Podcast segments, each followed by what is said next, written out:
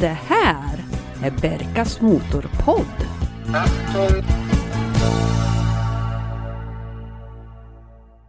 Hallå och välkomna till Berkas Motorpodd. Det här är ju podden för dig som gillar när lacken glänser eller när gruset sprutar. Jag som hörs kallas för Berka. Vi har en hemsida, så gå in på internet www.berkasmotorpodd.se eller skriv ett mail om du har någon kul bil på gång. berkasmotorpodd gmail.com Nu tycker jag att vi släpper flaggan för dagens avsnitt.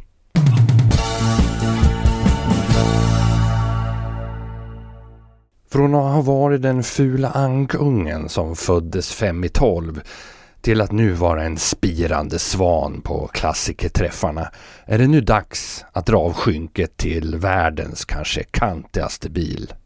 Från direktörsracer till Susse-container. Volvo 740. The Porsche 944, the Volvo 740 Turbo Wagon. To you, they're two completely different cars. But to a radar gun, they look exactly alike. Jan Wilsgård hade verkligen vässat pennan den här gången och tittat på vad som sålde i USA, Volvos viktigaste marknad.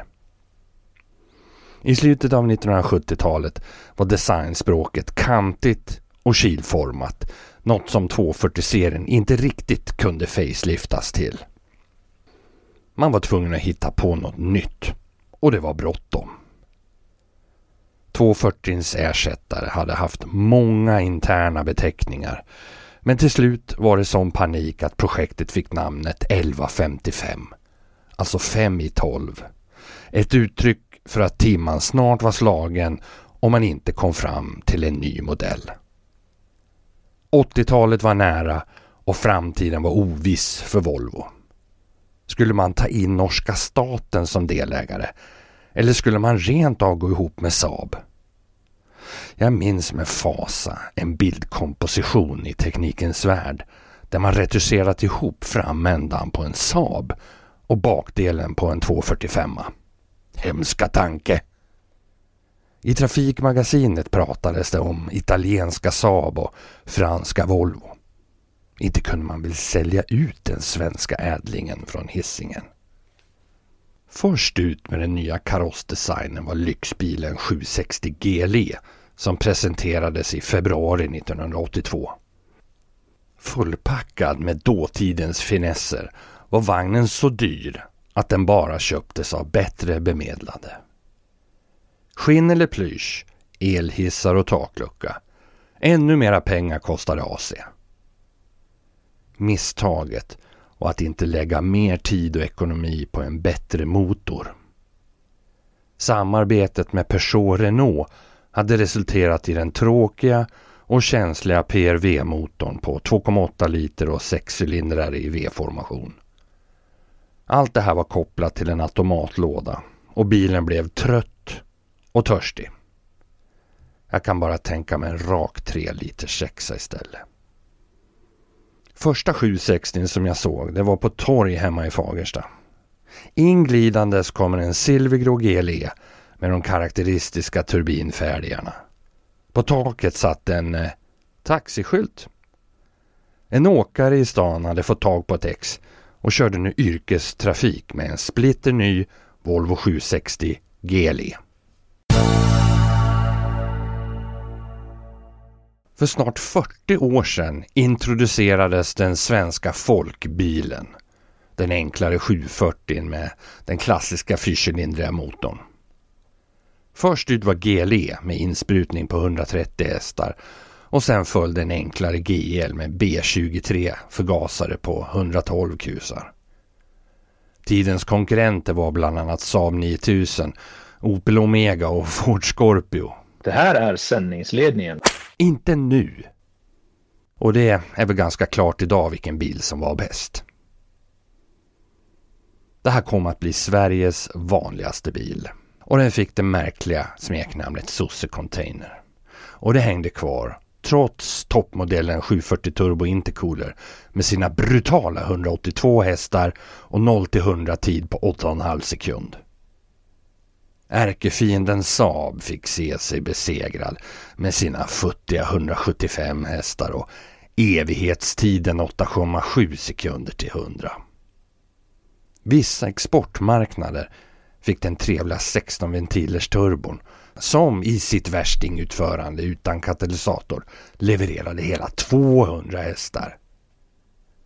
Ett tips är att leta reda på en 740 Turbo 16S. 200 hästar kanske någon tänker. Ja men okej okay då.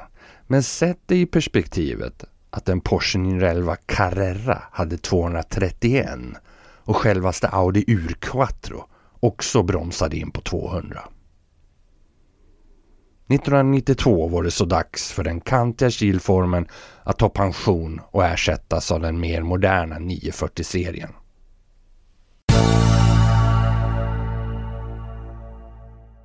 I avsnittet om min saffransfärgade V70 RAVD berättar jag om när den såldes till en köpare som betalade handpenning men som sen aldrig hörde av sig, än mindre hämtan.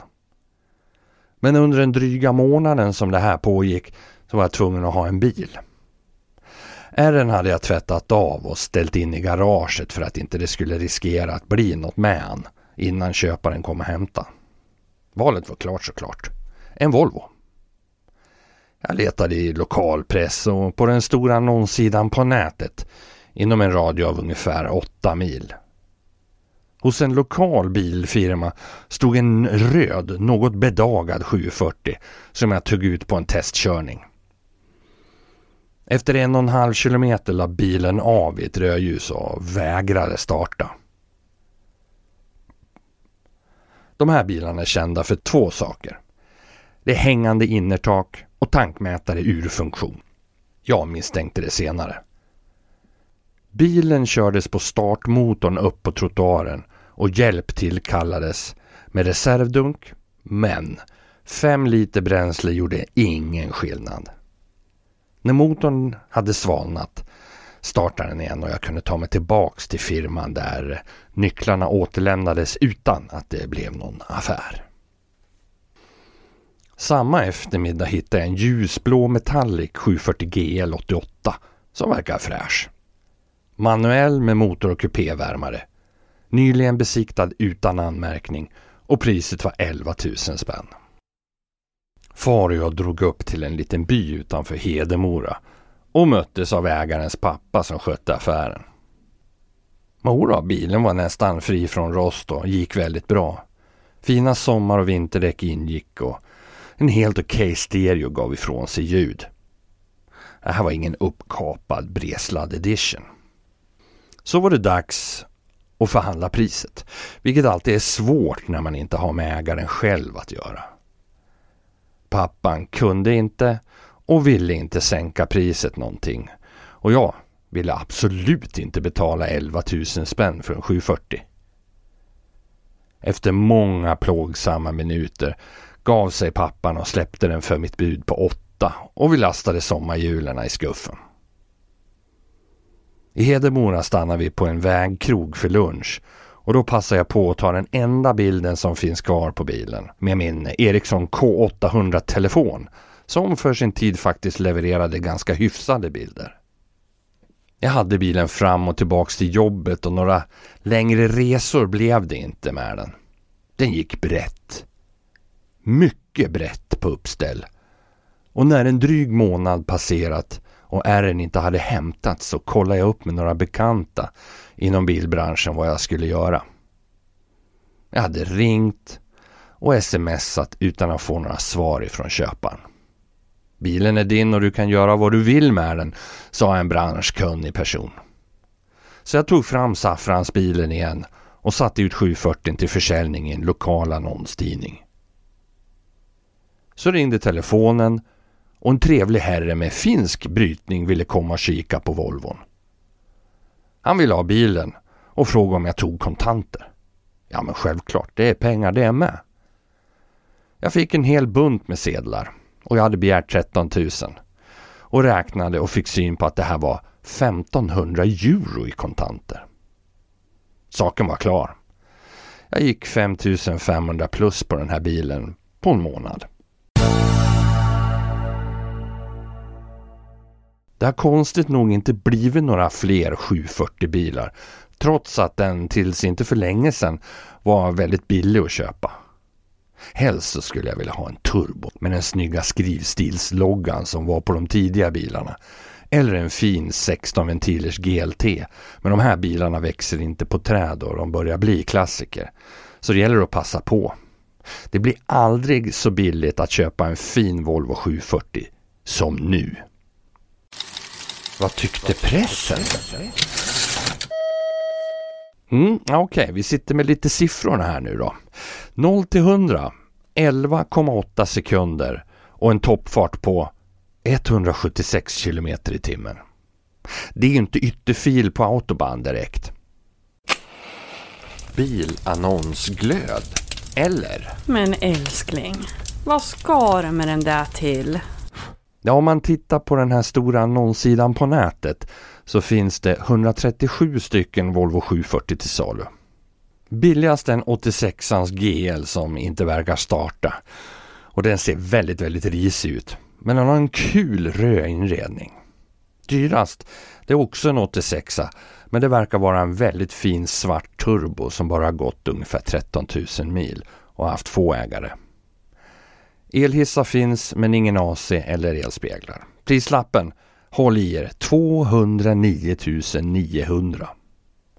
För 129 000 så finns det också en snygg turbo som har gått lite längre men den har bättre utrustning. Yes, det var allt för idag. Tusen tack för att du har lyssnat på Berkas Motorpodd.